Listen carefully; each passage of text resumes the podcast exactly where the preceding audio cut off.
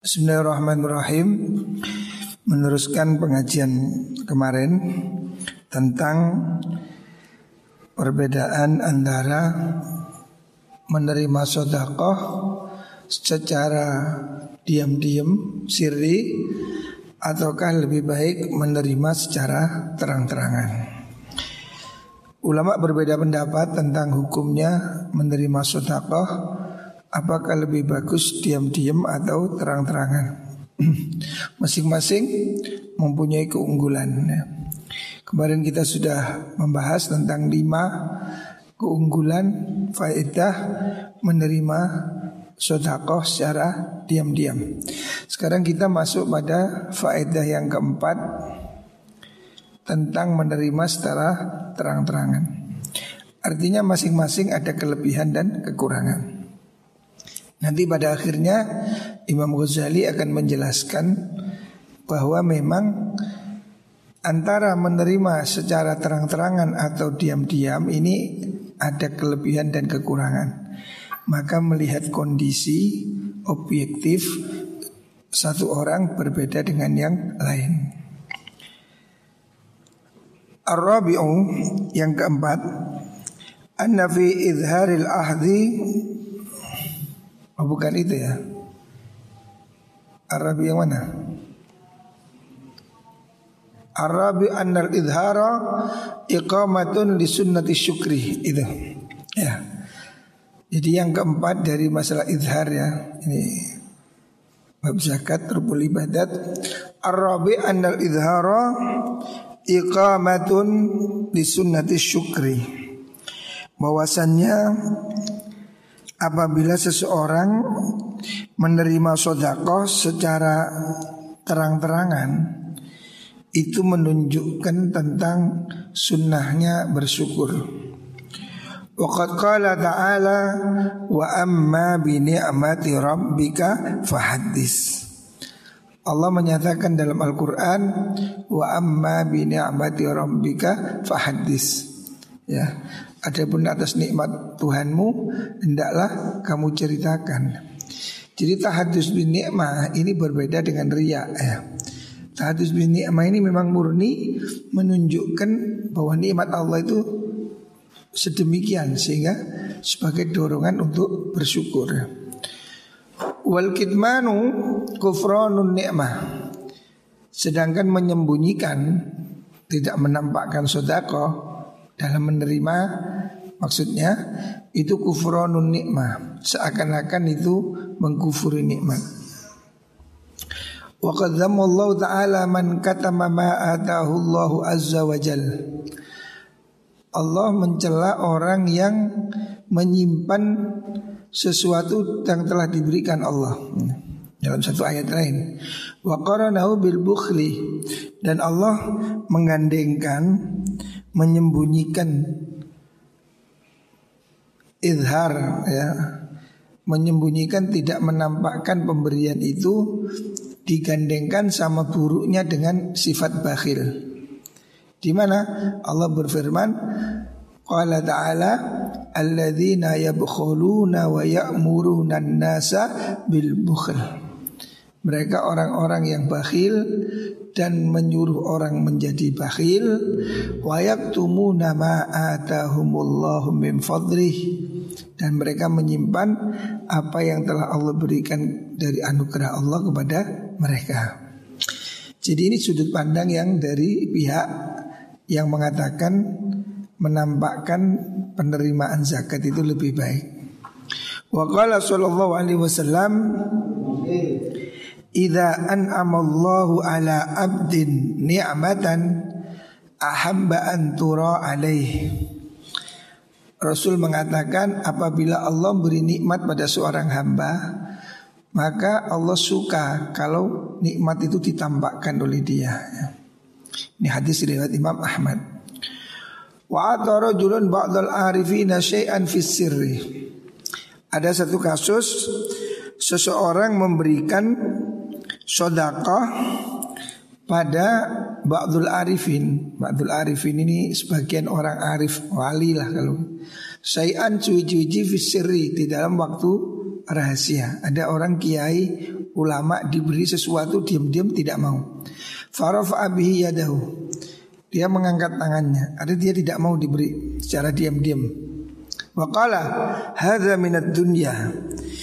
Ini sodako ini bagian dari dunia. Wal alaniyatu fiha afdal. Maka terang-terangan urusan dunia ini lebih baik, lebih transparan. Wasirru fi umuril akhirati afdal. Tapi kalau urusan akhirat itu lebih baik sirri. Walidzalika qala ba'duhum karena itu sebagian ulama mengatakan idza u'tita fil mala'i fakhudh thumma rdud fis sirri. Kalau kamu diberi di depan orang terimalah. Tapi kemudian kembalikan lagi secara diam-diam.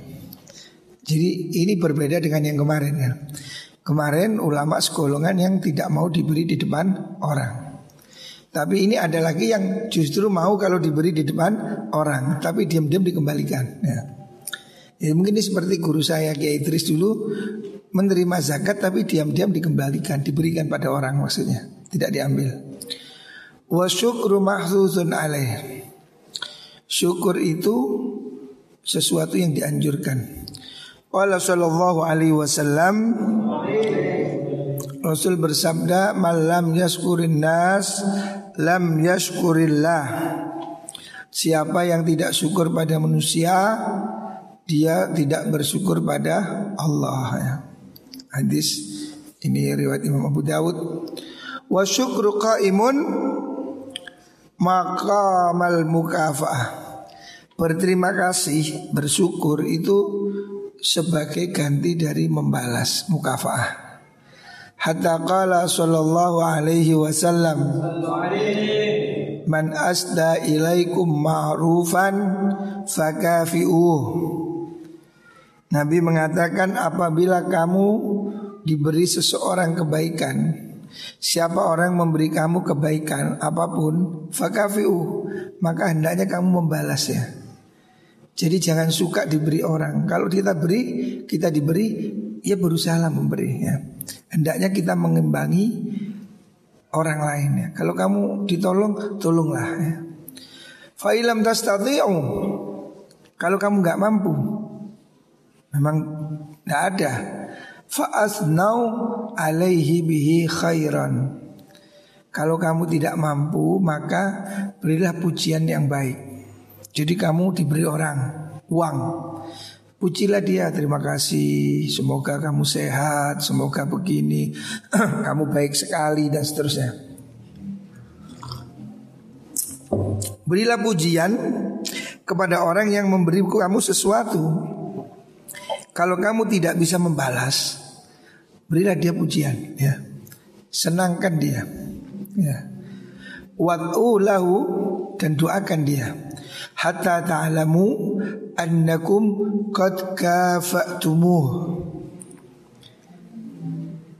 Doakan dia yang sedemikian banyak ya Sehingga kamu meyakinkan dia sudah senang dengan doa yang kamu berikan sebagai imbalannya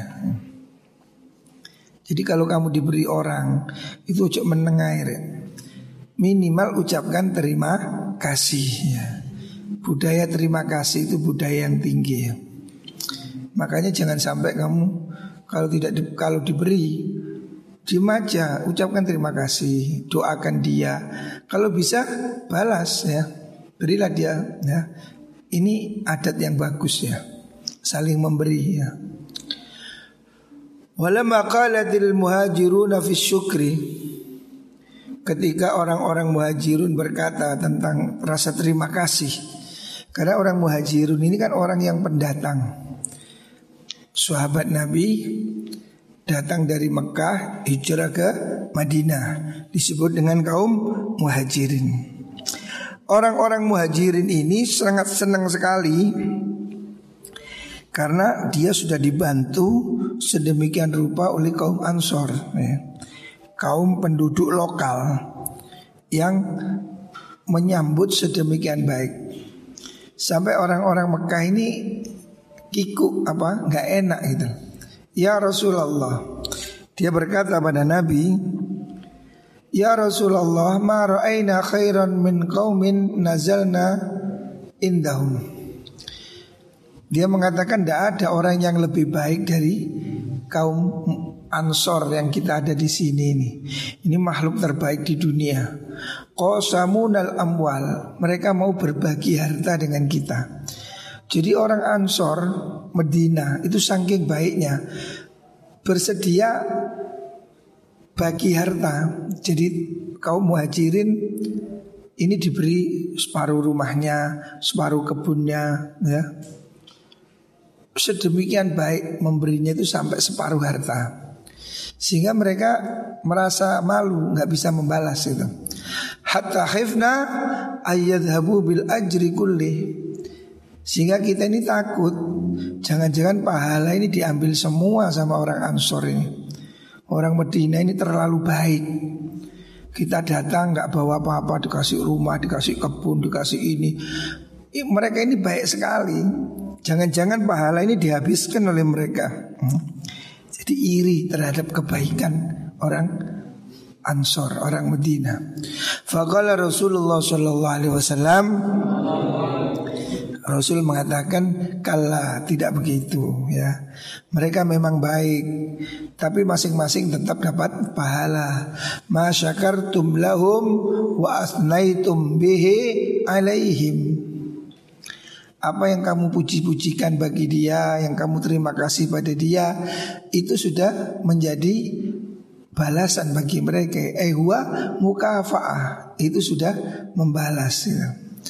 Jadi kalau tidak bisa membayar kita ini hutang budi uang, ya gantilah dengan doa, dengan pujian, ya itu sudah mukafaahnya membalas dengan yang seimbang. Fal'an maka sekarang kesimpulannya menurut Imam Ghazali Idza arafta hadhil ma'ani Kalau kamu sudah tahu arti-arti ini Kemarin kan Imam Ghazali sudah menjelaskan lima keuntungan menerima sodako secara diam-diam ini yang di sini Imam Ghazali menjelaskan empat hal tentang keuntungan menerima sodako secara terang-terangan. Nah, sekarang fal'an, oke, okay, sudah paham? Ida arafta hadhil ma'ani. Kalau kamu sudah mengerti arti masing-masing dari dua hal ini, fa'lam annama nukila min ikhtilafin nasi fihi laisa ikhtilafan fil mas'alah.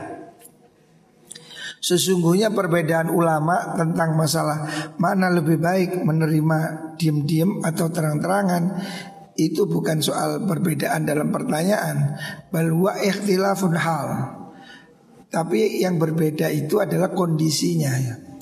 Jadi kalau pertanyaannya ini bukan beda, masalah situasinya yang beda. Jadi kalau situasi begini jawabnya ini, kalau situasi ini jawabnya ini. Jadi ini tidak bertantangan gitu. Fakasful an hada penjelasannya begini ya supaya jelas tutupnya sudah terbuka. Anna la nahkumu hukman batan. Kita tidak memberi hukum yang saklek. Harus A harus B. Kita tidak mengatakan begitu. Bi annal ikhfa afdal fi kulli hal awil idhar afdal. Saya kata Imam Ghazali tidak mengatakan siri lebih baik atau idhar lebih baik. Tapi bal yakhtalifu dzalika bi ikhtilafin niat. Tapi jawabannya itu berbeda melihat niatnya. Wa tahtalifun niyat bi ikhtilafil ahwali wal ashkhas. Niatnya berbeda antara kondisi dan orangnya. Jadi situasi kondisinya ini beda. Fayambagi ayyakunal mukhlisu muraqiban li nafsih. Orang yang ikhlas hendaknya melakukan introspeksi diri sendiri. Hatta la yatadalla bihablil ghurur Supaya dia tidak tertarik pada bujukan setan. Wala yankhadi'a bitalbisi Dan jangan tertipu dengan apa itu pembawaan hawa nafsu ya wa makri syaiton dan tipu daya setan. Wal makru wal khida'u aghlabu fi ma'anil ikhfa minhu fil idhar. Ma'anna lahu dakhlan min kulli wahidin minhuma. Tipu daya ya, tipu daya setan ya. Trik intriknya setan ini itu sering kali ada dalam ikhfa rumongso itu dibanding dengan idhar. Meskipun masing-masing dari dua-duanya itu ada pintu masuknya setan. Artinya orang ikhfa itu ya belum tentu ikhlas. Orang yang idhar juga belum tentu ria. Masing-masing lihat kondisinya. Fa'amma madkhulul khida' fil israr Misalnya Imam Ghazali menjelaskan Tipu daya setan kalau dalam israr Menerima secara diam-diam Famin mailit tab'i ilaihi lima fihi min hifdzil jawal manzilah. Orang secara naluri memang lebih senang menerima diam-diam karena gengsi terjaga. Kalau dikasih uang diam-diam kan nggak jatuh gengsi. Nah, sehingga bisa jadi niatnya tidak ibadah, tapi niatnya menjaga gengsi. Ya, di sini ada pintu masuk. Ya.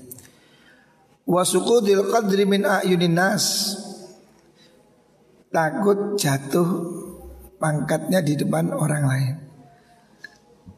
Wanadil khalqi ilahi bainil irtida isdira dan supaya tidak dipandang rendah oleh orang lain. Nah, ini kan tujuan-tujuan yang nafsu. Dia memang siri tapi ada kemauan-kemauan yang tersembunyi. Wa ilal mu'ti mun'im al muhsin ilaihi dan juga kalau dia terima secara diam-diam itu kan menjadi melihat memberi itu dengan penuh kehormatan karena dianggap dialah yang menolong. Fahadha huwa. Kalau ini yang ada di hati orang itu, ini penyakit tersembunyi. Wa istakinnu bin fin nafsi ini bersembunyi dalam hawa nafsu. Wa syaitanu biwasitatihi yadharu yudhiru ma'aniyal khair. Setan bermain di situ. Seakan-akan tujuannya baik, tetapi sebetulnya ada nafsunya. Hatta yata'allala bil ma'anil khamsah alladzi dzakarnaha. Sehingga setan ini menjelaskan seakan-akan ini memenuhi kriteria lima hal yang kemarin sudah dijelaskan. Tapi sesungguhnya dia tidak karena itu Sesungguhnya dia karena gengsi saja Makanya belum tentu menerima secara diam-diam mesti baik. Karena apa? Bisa jadi dia karena nafsunya yang meminta seperti itu. Nah, ini sesuatu yang tersembunyi, ad-dafin, tersembunyi ya. Wa mi'yaru kulli dzalika wa mahikhu amrun wahid. Bulat enggak bulat ini? Timbangannya ini satu ya. Ukurannya satu ya faktor penggeraknya satu. Wahwa ayyakuna ta'allumuhu binkishafi ahdihi lisadaqah kata'allumihi binkifa binkisafi sadaqatin akhadha ba'dhu nudharaihi wa amthali. Ukurannya begini, Imam Ghazali ini kan dokter hati. Kalau kamu bingung maksudnya gimana ya? Satu sisi ada yang mengatakan menerima baik diam-diam. Satu sisi mengatakan baik terang-terangan. Ukurannya begini. Kalau kamu ya Merasa Terbukanya Pemberian Artinya kamu orang tahu kamu menerima sesuatu Itu kamu merasa sakit Sebagaimana kalau kamu tahu ternyata orang lain juga nerima seperti itu. Wah, ternyata dia juga nerima saya. Kalau masih ada iri kepada orang yang begini, ya. Fa innau in kana yabghi dan nas anil ghibah wal hasad wa su'idzan aw yattaqi indaka sitri aw anad mudi al israr aw siyanat ilmi an Fakullu dhalika mimma yahsul bin kisafi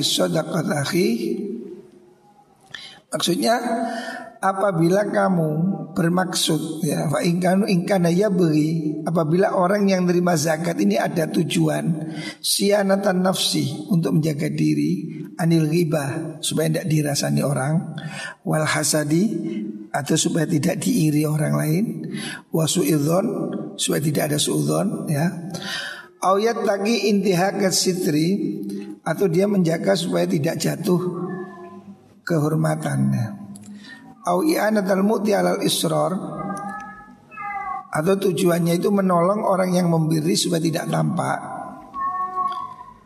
Ausianatal ilmi anil ibtidal atau menjaga ilmu dari kehinaan. Karena kan ahli ilmu tokoh masyarakat ini kan harus dihargai. Kalau dia nerima dari seseorang di depan umum, gengsinya kan jatuh. Fakulu dzalika mimma yaksulu bin kisafi sadaqati akhi. Itu semua terjadi apabila orang lain sedekahnya juga ditampakkan. Fa in kana amri athqal alaihi min inkisafi amri ghairihi kalau dia merasa terbukanya rahasia dia menerima itu lebih berat daripada kamu bisa membuka rahasia orang lain tentang sodako itu juga fatakdirul hadar min hadil ma'ani aghalitu wa abatilu mimmakri syaitan wa khidaihi maka kalau begini caranya, kalau tujuannya itu masih ada iren-irenan dengan orang lain, maka ini tujuannya salah. Artinya menyembunyikan menerima sodako dengan maksud-maksud tertentu karena persaingan-persaingan seperti itu itu salah, itu tipuan setan. Fa inna idlal al ilmi mahdzurun min haitsu innahu ilmun. Merendahkan ilmu itu tidak boleh dari segi menjaga kehormatan ilmu. La min haitsu ilmu zawidin au ilmu amrin bukan berarti supaya tidak diketahui satu orang atau satu orang yang lain. Jadi kalau kamu tidak ingin diketahui itu supaya orang lain nggak dapat bagian seperti kamu, lah itu berarti kamu kan ada hasutnya sama orang, nah gitu loh. Wal ghibatu mahdhuratun min haitsu anha tu'ridu li gharadin masun menggunjing itu tidak boleh dari arah merusak kehormatan yang disembunyikan. Menggunjing itu kan sesuatu rahasia orang dibuka. Lamin haidu innaha tu'ridu li'irdi zaidin ala khusus. Bukan hanya tujuan membuka rahasia satu orang tertentu, tapi siapa pun. Waman ahsana mula hadzata misli hada rubbama ya'juzu syaitanu anhu. Orang yang mengerti uraian ini maka dia tidak mudah ditipu setan. Wa illa, tapi kalau tidak, kalau dia tidak bisa gerayai artinya sendiri bahwa tujuan dia ini benar enggak gitu. Fala kathirul amal qalilal hadz. Kalau tidak begitu, maka dia itu amalnya sia-sia, pahalanya sedikit gitu. Walaupun sudah dirahasiakan menerima secara rahasia. Baik, tapi kalau tujuan-tujuannya itu untuk trik hasud duniawi, maka tidak ada artinya. Wa amma janibul idhar Adapun dari sisi kalau idhar Maksudnya apabila orang Menampakkan dia telah diberi sesuatu Diketokno Di syuting pun Famailu tabi ilaihi min haithu innahu tatyibun liqalbil mu'ti ini ada satu sisi menyenangkan orang yang memberi. Kan orang yang memberi itu bangga. Sumbangan di syuting ya. Walaupun itu tujuan mungkin tidak mesti benar. Tapi kita dengan menerima depan umum itu yang memberi kan bangga sekali ya. Si Anu nyumbang pondok, dia kan bangga. Wastihtatun lau ala mislihi. Ini juga bisa mendorong orang lain untuk menirukan. Wa idharu inda ghairi annahu minal balighina fi syukri hatta yarghabu fi ikrami wa tafaqqudi. Menampakkan pemberian seseorang ya, kita terima secara terbuka itu termasuk bersyukur yang lebih dalam ya. Sehingga kita ini menjadi menghargai pemberinya itu gitu Tetapi ini bisa berbahaya. Karena apa? Cenderung menjadi mengkultuskan satu orang karena pemberiannya. Fil batin. Nah kalau sudah sampai seperti ini Ini bahaya juga. Nah. Wasyaitanu la yakdiru alal Bi alla yurawwij alaihi hadal khabas Fi ma'radis sunnah Setan tidak bisa menggoda seorang santri mutadayyin orang beragama kecuali dengan cara menipu dia sesuatu jelek dikelihatankan baik. Karena kalau kelihatan jelek orang nggak akan mau. Tapi kalau kelihatannya baik, nah seakan-akan dia menjadi senang gitu. Ini kan tipuan setan. Wa yaqulu lahu asyukru minan nikmah. Setan bisa mengatakan pada dia, oh begini aja diterima di depan umum itu sebagian syukur, ini sebagian dari sunnah. Wal ikhfa'u minar riya. Kalau kita tidak tampakkan itu nanti malah ria. Nah ini kan setan menggoda supaya dia menjadi ria sebetulnya. Wa yurid alaihi al-ma'aniya alladhi dzakarnaha. Kemudian setan menunjukkan pada kamu empat makna yang tadi disebutkan dalam bab sebelum ini. Seakan-akan tujuannya itu baik Sesuai empat kriteria Yang kemarin sudah diterangkan Imam Ghazali. Liya'milahu alal idhar. Supaya orang ini kemudian lebih senang Menampak-nampakkan Serah terima sodakoh Wa qasdul batin Mada karena Tapi tujuan yang esensi itu ya Keinginan untuk dipuji-puji itu.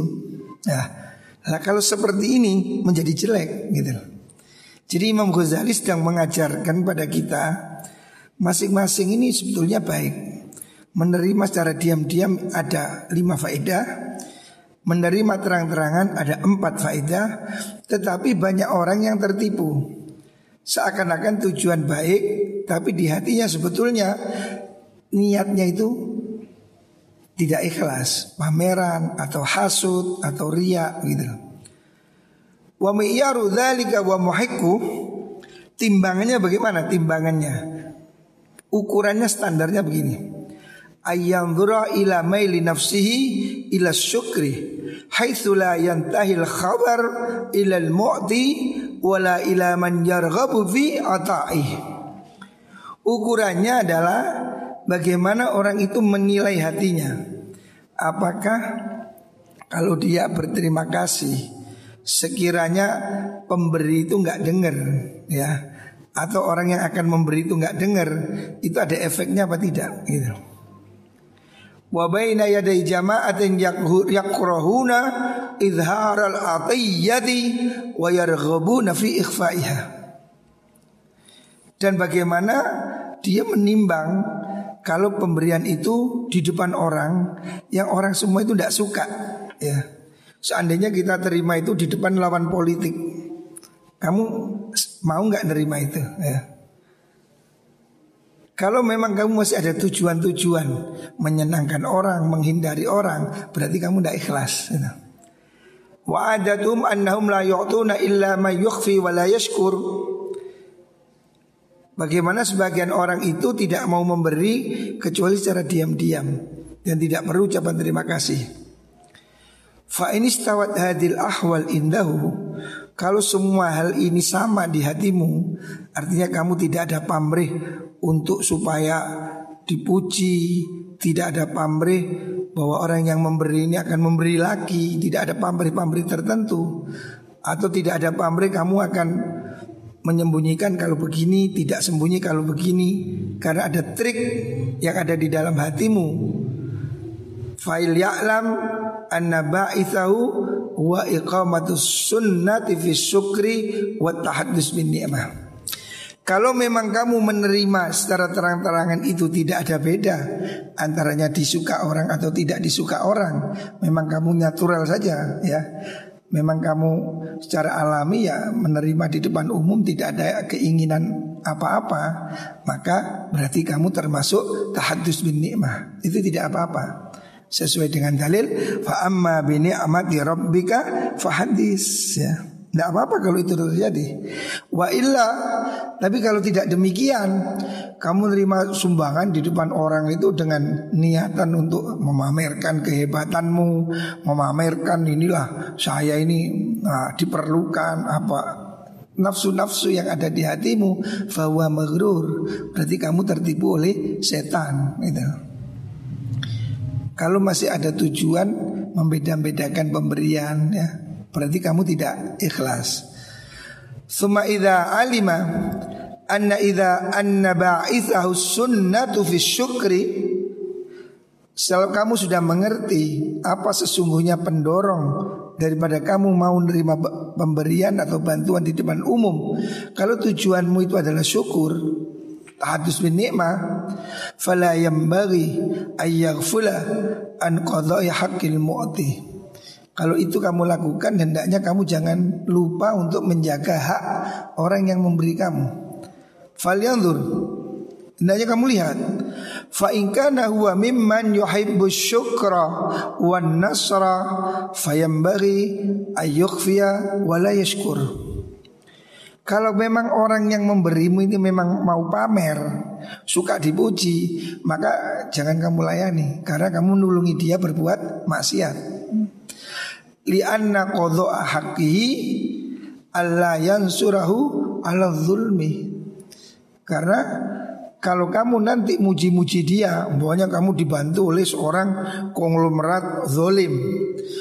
Dan dia memang dia sukanya begitu, nyumbang ke pesantren supaya tampak wah inilah. Walaupun dia itu konglomerat hitam, wah tapi dia santunan ke pondok. Maka kamu jangan terima. Karena apa? Kamu membantu kezaliman dia. Karena di belakangmu dia akan dibuat kampanye untuk berbuat jahat. Wa talabu syukra zulmun. Dia memberi dengan tujuan pamer itu zalim ya. Kan dia tidak ada niatan ikhlas. Gitu. Wa idza ulima min halihi annahu la yuhibbu syukra wa la yaqsiduh. Tapi kalau orang yang nyumbang ini memang tidak ada niatan begitu. Tidak ada niatan kampanye, memang dia mau memberi kebetulan di depan umum. Fa inda yashkuruhu wa yuzhiru sadaqatahu. Kalau begini layak kamu ucapkan terima kasih dan kamu tampakkan pemberiannya. Karena apa? Dia sebetulnya nggak ingin ditampakkan. Tapi kita ini tampakkan sebagai tanda terima kasih gitu. Jadi beda, kasusnya beda. Mana yang boleh ditampakkan, mana yang tidak boleh ditampakkan. Ini memang tidak mudah, ini urusan hati ya. Orang banyak yang tidak mempelajari sedalam ini. Imam Ghazali memang mengajarkannya seperti ini. Walidzalika qala sallallahu alaihi wasallam karena ini perbedaan ini Rasul mengatakan lirrajuli alladhi mudiha baina yadeh pada orang yang dipuji di depannya ya. Nabi mengatakan dharabtum unuqahu. Kamu muji-muji dia di depannya itu sama dengan kamu pukul lehernya dengan pedang. Lau sami'ah kalau dia mendengar. Maaflah ya maaflah itu tidak bagus, tidak ber, tidak membaik membuat dia baik. Jadi pujian-pujian yang tidak patut itu tidak boleh gitu Kalau kita puji orang yang betul-betul berhak dipuji itu bagus. Tapi pujian-pujian yang membuat orang jadi sombong itu tidak boleh. Itu mencelakakan dia. Zorobtum unukahu. Seakan kamu bunuh dia ya.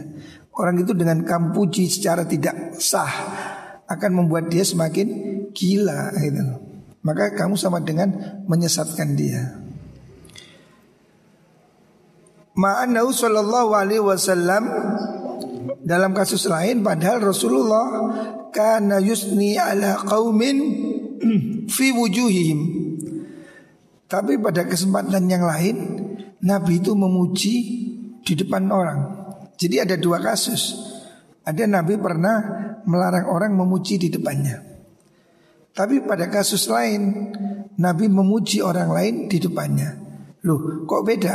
Ya karena beda kasus ya. Yang dipuji di sini, yang tidak dipuji di sini berbeda kasusnya ya. Lithiqatihi biyakinihim Karena Nabi percaya atas keyakinan mereka yang dipuji ini, tidak sombong, tidak riak, tidak bermaksud jelek gitu. Wa ilmihi bi anna la yadhurruhum. Kenapa satu kaum ini dipuji oleh Nabi di depan umum? Karena Nabi tahu orang ini kalau dipuji dia tidak akan berubah, tidak berbahaya. Tapi satu orang tadi yang dipuji itu dia akan jadi gila-gilaan. Makanya ada satu ada satu kondisi di mana orang itu perlu dipuji di depan umum, tapi ada satu posisi yang jangan dilakukan itu ya. Supaya apa? Tidak memperkuat kezolimannya. Punya ada penguasa zolim datang nyumbang di depan umum di shooting kan akan memperbaiki citranya padahal dia koruptor, perampok namanya gitu. Faqala wahidin Satu saat Nabi pernah muji orang dan mengatakan innahu sayyidu ahlil wabir ya. Itu tuan dari daerah sana. Itu tokoh orang daerah sana.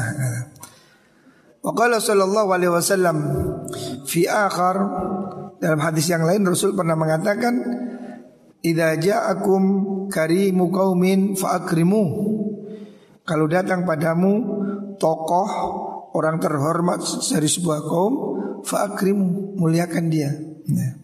jadi ada yang memang harus dimuliakan kalau memang dia pantas untuk dimuliakan wasali wasami'a kalama rajulin Suatu saat Nabi pernah mendengar ucapan seseorang. Fa'ajabah. Nabi merasa heran. Itu ucapannya bagus sekali.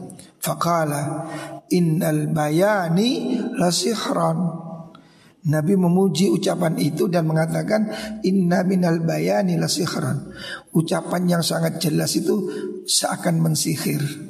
Artinya membuat orang terperdaya Wa qala sallallahu alaihi wasallam itu hadis uh, riwayat Bukhari ya, inna minal bayani sikhran. Hadis yang lain, idza alima ahadukum min akhi khairan falyukhbirhu. Nabi mengatakan kalau kamu tahu temanmu itu baik, falyukhbirhu ceritakan ya. Jangan pelit untuk menceritakan kebaikan orang. Kalau kamu disebut siapa, oh itu baik. Itu kalau memang baik, katakan baik ya. Jangan pelit untuk memuji orang. Fa innahu yazdadu rughbatan fil khair. Karena itu akan membuat dia semakin senang berbuat baik. Kalau saya punya teman, oh dia itu suka apa membantu. Saya katakan, oh itu orang baik, suka menolong. Supaya dia kalau dengar dia akan semakin suka menolong. Memuji yang begini ini boleh ya. Pujian yang membuat dia menjadi baik ya. Ini hadis riwayat Imam Daruqutni. Wa qala sallallahu alaihi wasallam Idza madahal mu'minu rabal imanu fi qalbi. Apabila orang mukmin itu memuji ya, memuji orang lain dengan benar, Rabal iman fi qalbihi. Maka iman akan berkembang di hatinya ya. Dengan pujian yang benar ya. Bukan pujian-pujian palsu. Wa qala thawri Man arfa nafsahu Lam yadurruhu madkhun nasi. Imam Sufyan Sauri mengatakan apabila orang itu tahu dirinya, ya tahu memang keadaannya seperti apa, lam yadurruhu madkhun nas maka dia tidak apa-apa dicela orang ya. Tidak ngefek dicaci maki orang atau dipuji orang. Artinya dipuji atau tidak dipuji sama aja. Ya. Orang yang masih gila pujian itu kan orang yang menutupi keadaan dirinya. Tapi kalau orang itu memang betul-betul baik tidak dipuji pun tidak apa-apa. Tidak gelo. Karena apa? Kebaikan ini sudah menjadi bagian dari hidupnya. Tidak perlu pujian gitu. Waqala aidan Yusuf bin Asbat Berkata Imam Sufyan kepada Yusuf bin Asbat Idza awlaituka ma'rufan fakuntu ana asarra bihi minka. Wa ra'aitu dzalika ni'matan min Allah azza wa jalla alayya faskur wa illa fala tashkur. Idza awlaituka ma'rufan kalau saya memberimu suatu kebaikan Fakuntu an asarra bihi minka Dan kemudian saya ini menyembunyikan itu kebaikan itu. Warwa itu dzalika nikmatan minallahi azza wa jalla. Karena saya merasa itu semua nikmat dari Allah azza wa jalla. Faskur. Yang begini nih kamu syukuri ya. Artinya sesuatu yang tidak ditampakkan itu justru harus disyukuri. Wa illa falatashkur. Tapi kalau tidak jangan kamu terima kasihkan. Jadi terima kasih pada yang orang betul-betul tulus melakukan kebaikan. Fadaqa iku hadil ma'ani yang bagi ayal hadha mayurai qalbahu. Pembahasan ini memang agak jelimet ya. Tetapi ini lembut fadaqaik ya. Kelembutan arti ini ya tentang bagaimana sikap hati antara menerima terang-terangan atau secara diam-diam ini sebaiknya diperhatikan oleh orang yang menjaga hatinya. Karena ini bukan soal apa itu perbuatan lahir tapi perbuatan hatinya. Fa inna amal al-jawarih ma'a ihmali hadhihi daqa'iq dhahkatun lisyaitani wa syamatatun lahu. Karena perbuatan-perbuatan kita amal-amal kita kalau tidak ada penelitian ke dalam ya tentang masalah hati, masalah pendorongnya ikhlas atau ria akan jadi tertawaan setan. Ya. Bisa jadi kita berbuat susah payah tapi tidak ada ikhlas ya ditertawakan sama setan, nggak ada artinya gitu. Wasyamatatun lahu dan jadi jadi maki-makian setan. Di kasrati ta'abi wa killatin naf'i. Karena kesulitannya berat tapi nggak ada manfaatnya. Hmm. Jadi banyak orang karena tidak meneliti keadaan hatinya ya. Dia mungkin dia sudah susah payah berbuat baik. Tetapi tidak ada artinya. Karena apa? Tidak ada ikhlasnya. Penuh ria, penuh ujub, penuh penyakit amalnya. Kelihatannya besar tapi nilainya sangat-sangat kecil. Famithlu hadzal ilmi Walladhi yuqalu fihi. Pengetahuan tentang hal ini Yang dijelaskan Imam Ghazali tadi Tentang rahasia hati Bagaimana sikap memberi diam Atau apa terang-terangan atau siri Yang hanya bisa dikontrol oleh Hati nurani orang ini. Yuqalu fihi Anna ta'alluma mas'alatin wahidatin minhu Afdalu min ibadati sanatin. Nah ini kamu belajar satu masalah saja ya. Tentang hakikatnya hati tadi, tentang belajar ikhlas, melawan ria, melawan ujub, melawan itu lebih utama dari kamu ibadah satu tahun. Kamu ibadah satu tahun gue tuh jengkulit jengkulit tapi hatimu tidak ada ikhlasnya, Hatimu tidak ada rasa tunduk patuhnya pada Tuhan. Hanya untuk pameran-pameran-pameran Tidak ada artinya setahun kamu sholat Setahun kamu berbuat baik. Tapi kalau tujuannya tidak ada Ikhlasnya Tidak ada takorubnya pada Allah. Hanya untuk pencitraan-pencitraan. Makanya belajar ilmu seperti ini. Satu masalah, satu poin aja Tentang masalah hati itu lebih bagus daripada kamu beribadah tanpa ilmu satu tahun. Idh ilmi tahya ibadatul umri. Karena dengan ilmu hati seperti ini ibadahmu seumur hidup akan jadi baik gitu.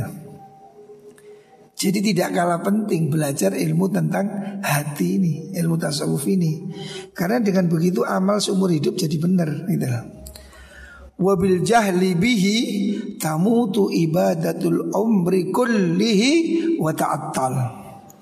Tapi kalau kamu tidak bisa mengolah tentang ilmu hati tadi, maka akan mati semua amal sepanjang usiamu dan tidak ada gunanya.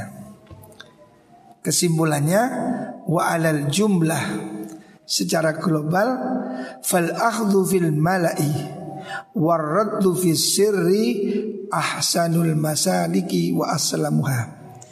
Kesimpulannya Imam Ghazali dari pembahasan dua hari ini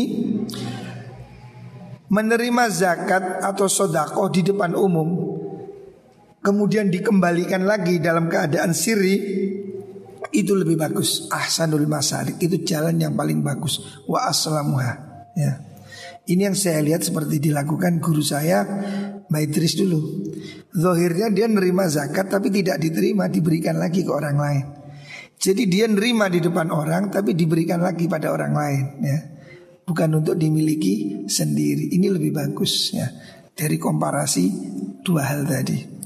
Fala yang bagi ayyudfa'ah bitazwiqati illa an takmalal ma'rifah bihaitsu yastawi sirru wal alaniyah. Maka tidak baik ya orang itu untuk menolak apa sedemikian macam kecuali dia sudah ngerti betul hatinya ini tidak ada beda antara sirri dan alania. Wadzalika huwal kibritul ahmar. Ini sesuatu yang langka. Kibritul ahmar itu belerang merah. Anda ada belerang merah. Belerang warnanya kuning. Fadzalika huwal kibritul ahmar. Ini adalah belerang merah. Artinya sesuatu yang tidak jarang terjadi alladzi yutahaddatsu bihi wala yang gampang diomongkan tapi sulit dilihat ya. Oh, ini pembahasan yang sudah sedemikian rupa ya. Jadi semua tadi kan berpihak kepada bagus mana siri dalam alania. Tapi sesungguhnya kata Imam Ghazali orang itu jangan tertipu sampai dia memahami siri dan alannya itu sama. Karena tujuannya tidak untuk manusia. Dilihat tidak tidak dilihat orang. Tidak ada arti bagi orang makrifat. Karena tujuannya apa? Yang dilihat oleh Allah. Nah ini sulit. Orang beribadah seperti ini sulit ya. Wadhalika huwa al-kibritul ahmar. Ini adalah belerang merah. Tidak ada belerang merah itu. Di mana ada? Sulit lah Atau mungkin ada tapi jarang terjadi gitu. Al-kibritul ahmar. Itu sesuatu yang langka gitu. Kakak putih ini ono Enggak ono kan. Alladhi yutahaddatsu bihi wala yura. Gampang diomong tapi angel. Didelok prakteknya sulit. Orang bisa ngomong ikhlas-ikhlas Tapi prakteknya angel. Bagaimana orang itu punya perasaan yang sama Dipuji atau dicela Dilihat atau tidak dilihat manusia ya ini sudah sesuatu yang sulit ya. Urusan hati memang tidak mudah ya. Maka nas'alullahal karim. Kita memohon pada Allah Yang maha pemurah Husnal auni wa taufiq. Kita mohon pada Allah Supaya diberi pertolongan dan bimbingan ya. Karena sulit sekali ya. Betul-betul sulit. Imam Ghazali aja mengatakan Itu memang sulit ya tapi bukan berarti tidak mungkin ya. Semoga Allah memberi kita pertolongan untuk bisa berbuat dengan ikhlas ya. Amin Allahumma amin.